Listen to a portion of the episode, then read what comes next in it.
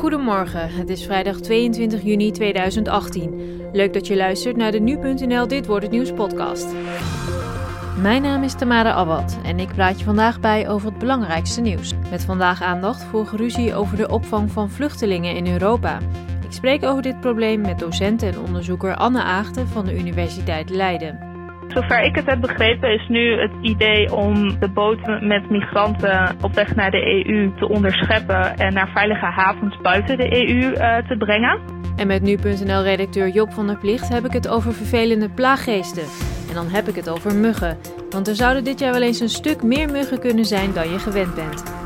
Dat hoor je zo meteen, maar eerst blikken we kort terug op het belangrijkste nieuws van afgelopen nacht. In een flat aan de Marshalllaan in de Utrechtse wijk Kanaleneiland is donderdagavond een explosie geweest. De explosie was op de eerste verdieping van het flatgebouw. Er is ook in meerdere appartementen brand uitgebroken. De politie heeft later een lichaam in de woning gevonden. Bij het incident is een politieagent ernstig gewond geraakt. Griekenland stapt op 20 augustus definitief uit het Europese noodprogramma. Het land krijgt een buffer van 15 miljard euro mee en op langere termijn ook schuldverlichting. De maatregelen moeten privé-investeerders voldoende vertrouwen geven om weer met Griekenland in zee te willen gaan. De Eurogroep en het IMF vinden dat het land na acht jaar steun financieel weer op eigen benen kan staan. De afgelopen dagen zijn ongeveer 220 mensen verdronken voor de kust van Libië. Dat meldt vluchtelingenorganisatie UNHCR. De organisatie baseert zich op informatie van overlevenden. In de verklaring staat dat maar vijf van de ongeveer 100 migranten zijn gered van een gekapseisd schip. Elders op de Middellandse Zee is een rubberen vlot met 130 mensen gezonken. Vermoedelijk 70 van hen zijn omgekomen. Het kabinet lobbyt bij de Verenigde Naties voor een post voor oud-minister Janine Hennis Plasgaard. Zij is kandidaat voor de functie speciaal VN-gezant in Irak.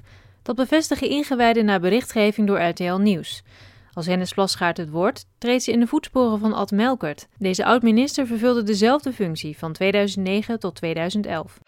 Slechts 55% van de 4 tot 12-jarigen voldeed vorig jaar aan de beweegrichtlijnen. Dat meldt het Centraal Bureau voor de Statistiek. Dit betekent dat zo'n 45% dagelijks minder dan 1 uur aan matig intensieve inspanning doet. Daarbij moet je bijvoorbeeld denken aan fietsen, wandelen en zwemmen. Volgens de beweegrichtlijnen moeten kinderen ook drie keer per week aan spier- en botversterkende activiteiten doen, zoals springen, dansen en krachttrainingsoefeningen. Vrijwel alle kinderen halen deze norm weer wel. Dan kijken we nu naar wat er verder op deze vrijdag staat te gebeuren. Deze donderdag komen de Europese leiders bijeen voor een extra overleg over de opvang van vluchtelingen. Ook premier Mark Rutte zal hierbij zijn.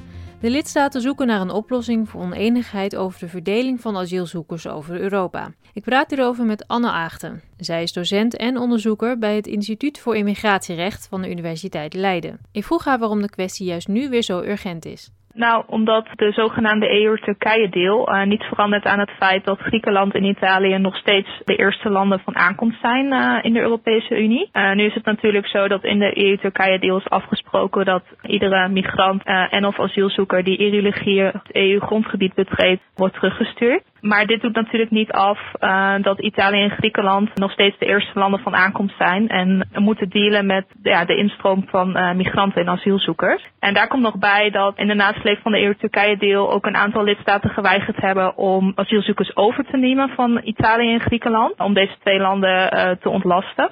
En zijn er op dit moment ontwikkelingen gaande in lidstaten waar leiders streven naar een individuele nationale aanpak voor de opvang van asielzoekers. Dus hierdoor ontbreekt het alsnog aan draagvlak uh, voor een gezamenlijke aanpak die door alle EU-lidstaten ondersteund wordt. Nu zijn er al wel een aantal mogelijke afspraken uitgelekt. Hoe zien die afspraken er eigenlijk uit? Zover ik het heb begrepen is nu het idee om de boten met migranten op weg naar de EU te onderscheppen en naar veilige havens buiten de EU uh, te brengen. Deze worden zogenaamde ontscheping platforms genoemd. En dat daar eigenlijk de asielprocedure plaatsvindt, waardoor er volgens de plannen snel onderscheid gemaakt kan worden tussen vluchtelingen en andere groepen migranten, waaronder dus de zogenaamde economische migranten. En dat daarna aan de vluchtelingen direct bescherming uh, kan worden geboden. Nou, een kanttekening die je hierbij kan maken is dat alle EU-lidstaten het recht op asiel moeten garanderen. En de vraag die hierbij rijst is dat indien het asielzoekers zeg maar feitelijk onmogelijk wordt gemaakt om EU-grondgebied te bereiken, of dit recht op asiel wel degelijk gegarandeerd wordt. En in de plannen blijkt nog niet duidelijk welke Afrikaanse landen dan de opvang van asielzoekers voor zijn rekening gaat nemen en de verantwoordelijkheid neemt voor de asielprocedure. Het is dan ten eerste natuurlijk de vraag of deze landen wel veilig zijn. Bijvoorbeeld van Libië is bekend dat het zeker niet het geval is.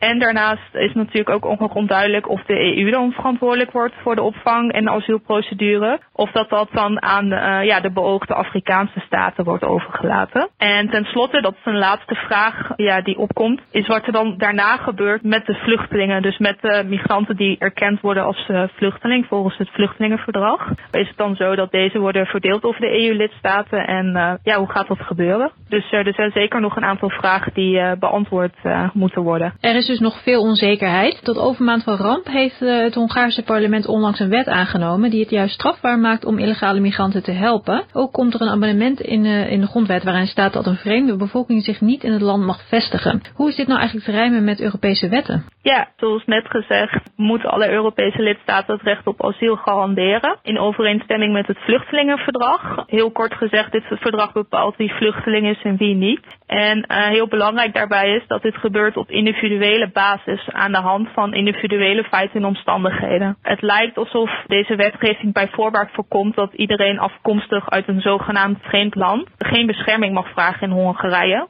En dit lijkt dus een dergelijke individuele toets, uh, zoals ik net heb uitgelegd, uh, uit te sluiten. Dus eigenlijk houdt Hongarije zich hiermee niet aan de afspraken? Als het zo is dat bij voorbaat uh, migranten of asielzoekers of beide worden geweigerd aan de grens, dat, het dan, dat je dan vraagtekens bij kan stellen of inderdaad dit recht op asiel gegarandeerd wordt. En wat is nu eigenlijk uw indruk? Worden de rechten van migranten in Europa en vlak daarbuiten voldoende beschermd op dit moment? In beginsel moet iedereen, zeg maar, erkende vluchtelingen volgens het verdrag ook minimale standaarden standaarden van bescherming verlenen. Dit is ook bepaald in andere Europese mensenrechtelijke instrumenten. Echter is natuurlijk dit een mooie theorie op papier, maar is de realiteit uh, anders. En kan je zeker ook vraagtekens zetten bij uh, nou, nationaal, uh, maar ook Europese plannen die op papier afbreuk lijken te doen aan het in stand houden van deze minimale standaarden van bescherming. Je docent en onderzoeker Anne Aagte van de Universiteit Leiden. Al het nieuws over deze kwestie kun je uiteraard volgen op nu.nl. En iedereen kent het wel, dat irritante gezoem in je slaapkamer. En de angst dat je zometeen onder de muggenbulten zit. Elk voorjaar en iedere zomer hebben we er weer last van. Maar dit keer kan het wel eens erger zijn dan je gewend bent. Ik vroeg aan nu.nl-redacteur Job van der Plicht waarom er nou meer muggen zijn dan anders. Er zijn hogere temperaturen in het voorjaar geweest. En dat betekent dat, dat het ideale omstandigheden zijn voor muggen. Muggen hebben twee dingen nodig. Warmte en uh, water. Nou, die zijn allebei, uh, deze lente zijn niet er geweest. De hoge temperaturen zorgen ervoor dat de muggen zich uh, makkelijk en snel kunnen ontwikkelen. Daarvoor hebben ze dus ook water nodig om de eitjes in te leggen en waarin ze groot worden. En die neerslag die is er zeker veel geweest. En die twee factoren maken een combinatie van een ideale, ideale leefomgeving voor de mug. Oké, okay, en dus heel vervelend voor mensen. En nu is het ook zo dat in de laatste jaren ook regelmatig warmterecords zijn gebroken. En wat moeten we nou eigenlijk van de toekomst verwachten? Nou, in de toekomst gaat dit dus vaker gebeuren. In het verleden was het zo dat er 4,5 generatie per jaar leefde. En dan hebben we het over uh, nou, de jaren 40, 50, zoiets. Dus dat is nog niet zo heel erg lang geleden, relatief gezien. Uh, inmiddels is dat 5,5 generatie. En uh, het zou zomaar zo kunnen zijn dat deze zomer één of twee extra generaties aan muggen daaraan wordt toegevoegd. in de toekomst gaat dat vaker gebeuren, want de, nou, zoals je zei, er worden berenkoers gebroken. En de verwachting is dat door de klimaatverandering dat dat vaker gaat gebeuren. Dus we gaan in de toekomst zeker meer last krijgen van muggen. En daar komt nog iets bij. Op dit moment zijn muggen erg vervelend en nou, levert het een muggenbeeld op en daar blijft het dan bij. Maar um, nou, in Zuid-Europa zie je al dat door de klimaatverandering dat het ook ziektes met zich meebrengt. Tropische ziektes, die ook uh, mogelijk dodelijk uh, kunnen zijn. Zover is het in Nederland nog niet, maar um, nou, de voorspellingen zijn dat uh, bijvoorbeeld vanaf 2050 dat dat wel zou kunnen gebeuren. Dat lijkt nog heel erg ver weg. Maar goed, aan de andere kant is dat ook sneller dichterbij dan je denkt. En dat zou dan dus zomaar zo kunnen zijn dat ook in Nederland dan tropische ziektes hebben die worden overgedragen door muggen. Dat is absoluut slecht nieuws. Nu lijkt het er overigens wel op dat de meeste muggenoverlast door de mens zelf wordt veroorzaakt. Hoe zit dat nou eigenlijk? Ja, dat is zeker waar, ja. Muggen die uh, hebben dus water nodig om hun eitjes in te leggen. Stilstaand water moet dat zijn. En het meest ideaal is als uh, daar geen natuurlijke vijanden in aanwezig zijn. Nou, in, in vijvers of in sloten zijn die wel aanwezig. Denk aan kikkers, denk aan salamanders, uh, denk ook aan vissen of roofinsecten zoals een libel. Maar in, in een emmer bijvoorbeeld, of in een uh, regenton, of in een dakgoot die niet goed doorloopt. Ja, dat soort dingen. Daar is natuurlijke vijand niet aanwezig. En daar uh, legt de mug dus graag zijn eitjes in. Op het moment dat wij een, een emmer of een regenton niet afdekken of niet leeggooien na een regenbui, ja, dan is dat voor de mug een ideale broedplaats. En op die manier creëren we dus zelf inderdaad in onze omgeving creëren we de, de vele hoeveelheden muggen. Je hebt het dus deels aan jezelf te danken. Wat kun je dan doen om de overlast tot een minimum te beperken? Nou, allereerst is het verstandig om de broedplaatsen om die weg te nemen. Dus uh, draai emmers uh, op hun kop zodat er geen water meer in kan komen. Uh, leeg plantenbakken regelmatig zodat er geen, geen water in staat. een leeg verfblik zorg ervoor dat daar ook geen water in komt. een dakgoot bijvoorbeeld die niet goed doorloopt, zorg ervoor dat die goed, goed doorloopt al die broedplaatsen die moet je zien weg te nemen. En ten tweede is het belangrijk dat je horen plaatst voor ramen en voor deuren. Op die manier kunnen de muggen niet naar binnen en um, zijn ze er dus mogelijk wel, maar um, nou, dan komen ze dus niet bij je. Mochten ze dan toch in huis zijn, dan is het verstandig om een klamboe uh, boven je bed te plaatsen. Dan uh, kunnen ze niet bij je komen op het moment dat ze het meest actief zijn. Dat is s'nachts. En dan uh, verstoren ze je nachtrust niet. En um, mocht dat allemaal niet helpen, of bijvoorbeeld als je buiten zit nog in de, de avonduren en muggen die vallen je lastig, dan kan je met een middel smeren waar date in zit. date is een middel wat, nou, wat goed werkt om muggen te weren en dat werkt vaak vier tot zes uur. Dus stel dat je een, nou, een, een barbecue hebt of een nog een gezellige avond op het terras, dan uh, wil Date helpen om uh, muggen te weren. Nu zijn er ook altijd van die volkswijsheden over wat je kunt doen om niet gestoken te worden. Wat kun je daarover vertellen? Nou, daar is niets van waar. Het enige middel wat helpt is Date. En uh, al die, die middeltjes als polsbandjes die nu in, in omloop zijn die tegen muggen zouden helpen, knoflook eten, citroensap dat zou helpen, dat is allemaal niet waar. het zijn allemaal fabels. Het enige wat dus helpt is Date. Muggen komen ook niet af op licht. Dat denken veel mensen omdat als ze het licht aandoen, dat trekt insecten aan. zie je natuurlijk als je naar lantaarnpaal buiten kijkt, daar is het altijd een, uh, nou, zie je altijd heel veel insecten omheen. Uh, muggen doen dat niet. Muggen die, uh, ja, die, die komen helemaal niet op licht af en houden juist van donker omdat ze veelal s'nachts actief zijn. Dus het zou zelfs zo kunnen helpen om met het licht aan te gaan slapen en dat dat dan geen muggen trekt. En muggen ruiken je vanaf 100 meter afstand. Dus dat betekent dat, uh, dat als jij alles in je tuin netjes hebt geregeld, maar de buurman niet, uh, dan zou het zomaar zo kunnen zijn dat de muggen jou uh, van 100 meter afstand ruiken. En dus richting jouw huis komen en nou, in jouw huis daarvan jouw bloed te eten. Wat ik me nou al heel lang afvraag, waarom is het nou zo dat de ene persoon altijd wordt gestoken terwijl de ander nergens last van heeft? Dat heeft te maken met je, de geursamenstelling van je huid. Je scheidt 300 geuren ongeveer af, je, je huid. En de ene geur is wel aantrekkelijk voor een mug en de ander niet. Iedereen heeft ook uh, geuren bij zich die sowieso niet aantrekkelijk zijn en uh, per definitie wel aantrekkelijk zijn. En de combinatie daarvan, die zorgt ervoor dat de ene persoon wel gestoken wordt en de ander niet. Dat heeft overigens niks te maken met dat je stinkt of met dat je uh, vaker moet douchen of dat je daar iets aan kan doen. Dat is gewoon genetisch zo bepaald. En ehm, ja, daar, daar is dus niets aan te doen. onderzoekers die zijn nog bezig met, ehm, ja, met het onderzoek naar wat voor geuren dat dan precies zijn. Maar het is nog niet helemaal duidelijk welke geur muggen afkomen en op welke geur ze, ze niet afkomen en die afstotend werken. Maar in ieder geval kan je daar zelf dus helemaal niks aan doen. Dat was nu.nl-redacteur Job van der Plicht. En wil je meer weten? Lees dan vanmiddag in onze rubriek Nu Weekend zijn uitgebreide verhaal, inclusief tips en fabels. Tot en met zondag worden er negen wedstrijden gespeeld op het WK in Rusland. Tijd dus voor een WK-flits met Riepke Bakker van onze sportredactie. Julien Dom sprak met hem. Brazilië speelt tegen Costa Rica en tegen Zwitserland speelden de Canaries eerder gelijk. Dus punten kunnen ze nu goed gebruiken. De mensen zijn misschien een beetje in de war omdat ik de vorige keer zei... Brazilië wordt wereldkampioen en dan beginnen ze met een 1 eentje mhm. En dan staat er misschien heel, heel, een heel klein beetje druk op die wedstrijd tegen Costa Rica.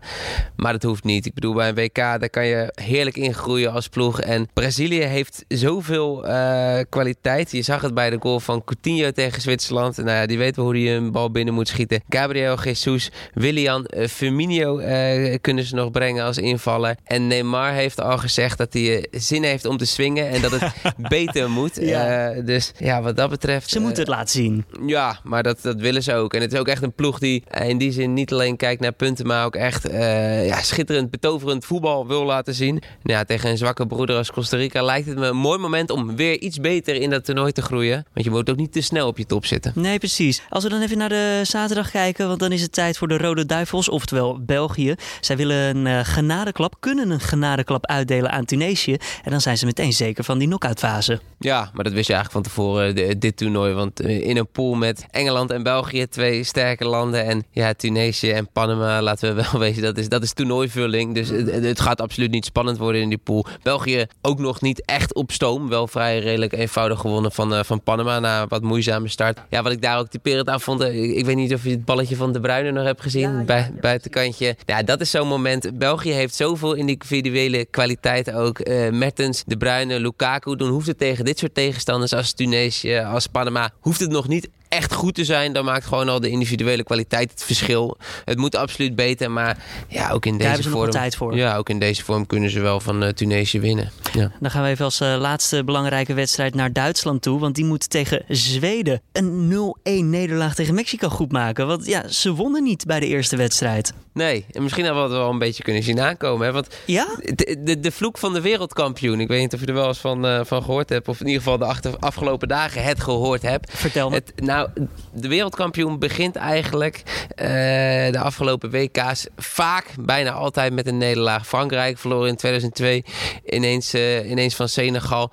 Spanje begon in 2014 met een 5-1 nederlaag tegen ons, Oranje. Zo gaat het eigenlijk iedere keer mis. En je ziet zelfs dat de wereldkampioen uh, eigenlijk het toernooi daarna uh, steeds weer tegenvalt. 2002, 2010, 2014 vloog de wereldkampioen er steeds in de groepsfase uit. En in 2006 alleen de kwartfinale. Dus in die zin is het geen toeval dat, uh, dat Duitsland zo slecht draait. Wat kunnen ze doen om ja, dan nu toch door te halen en even actie te ondernemen? Nou, het is een praatclubje geworden, de Duitsers. Jarenlang ging alles goed bij de Duitsers ieder toernooi sinds 2006 minimaal de halve finale wereldkampioen in Ook 2000. steeds dezelfde trainer natuurlijk. Joachim Leu, stabiliteit, uh, vaak dezelfde spelers. Wereldkampioen 2014, Confederations Cup gewonnen. Ja, het was een en al stabiliteit. Ja, je zou kunnen zeggen, misschien is de honger een beetje op. Je kan in ieder geval concluderen dat het voor het eerst een beetje uh, moord bij de Duitsers. Het is een, het is een praatclubje geworden. Manuel Neuer, de aanvoerder, de keeper, die was afgelopen dinsdag te laat op de, op de persconferentie. Waarom? Omdat het groepsgesprek uitliep.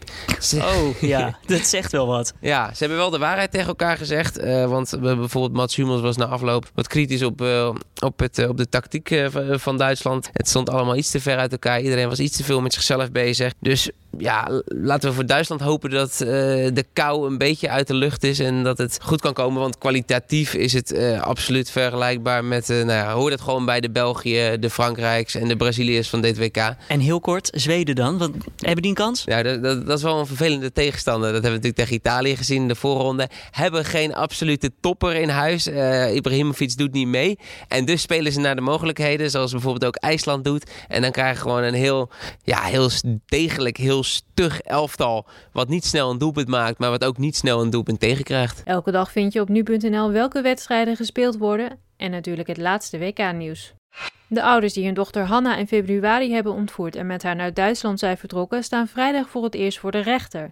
De baby was eerder uit huis geplaatst vanwege vermoedens van mishandeling. Toen de pleegmoeder van het meisje in Eersel boodschappen wilde gaan doen, wist het koppel de baby mee te nemen. Ze worden verdacht van onttrekking van het kind aan het gezag. Ook is er een regiezitting in de zaak tegen de vier kopstukken van motorclub No Surrender. Het gaat om oprichter Klaas Otto, een captain, zijn rechterhand en de voorman in Zeeland. Het Openbaar Ministerie beschuldigt de mannen van het leidinggeven aan een criminele organisatie. Ook verdenkt het OM hen van afpersing, zware mishandeling en bedreiging. En we blijven bij rechtbank nieuws. Een diplomaat van het Vaticaan moet vandaag voor de rechter verschijnen. Hij wordt verdacht van het bezit van kinderporno.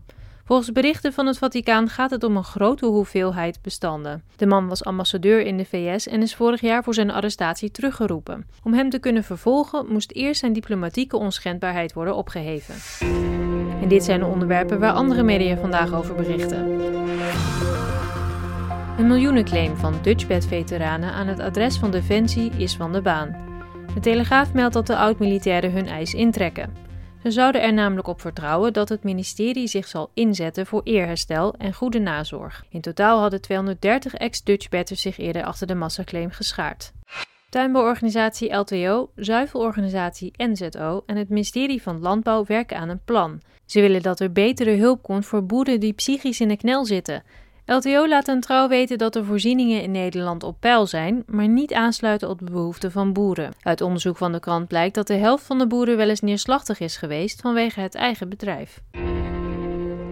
Dan het weer van vandaag. Het weerbeeld is niet veel anders dan gisteren.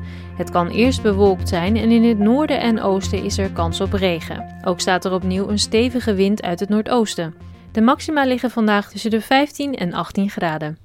En dan nog even dit. De comedyserie De Luizenmoeder heeft donderdag de zilveren Nipkoff-schijf gewonnen. De prestigieuze televisieprijs is uitgereikt in het Ketelhuis in Amsterdam. De humoristische serie moest het opnemen tegen het journalistieke reisprogramma Erzin in Wonderland. De documentaire reeks In het spoor van IS maakte ook kans op de prijs.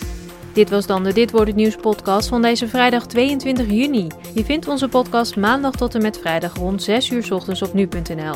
En wil je ons laten weten wat je ervan vindt? Laat dan eens een recensie achter op iTunes of in je podcast app. Je kunt natuurlijk ook mailen naar redactie.nu.nl. En voor nu, tot maandag.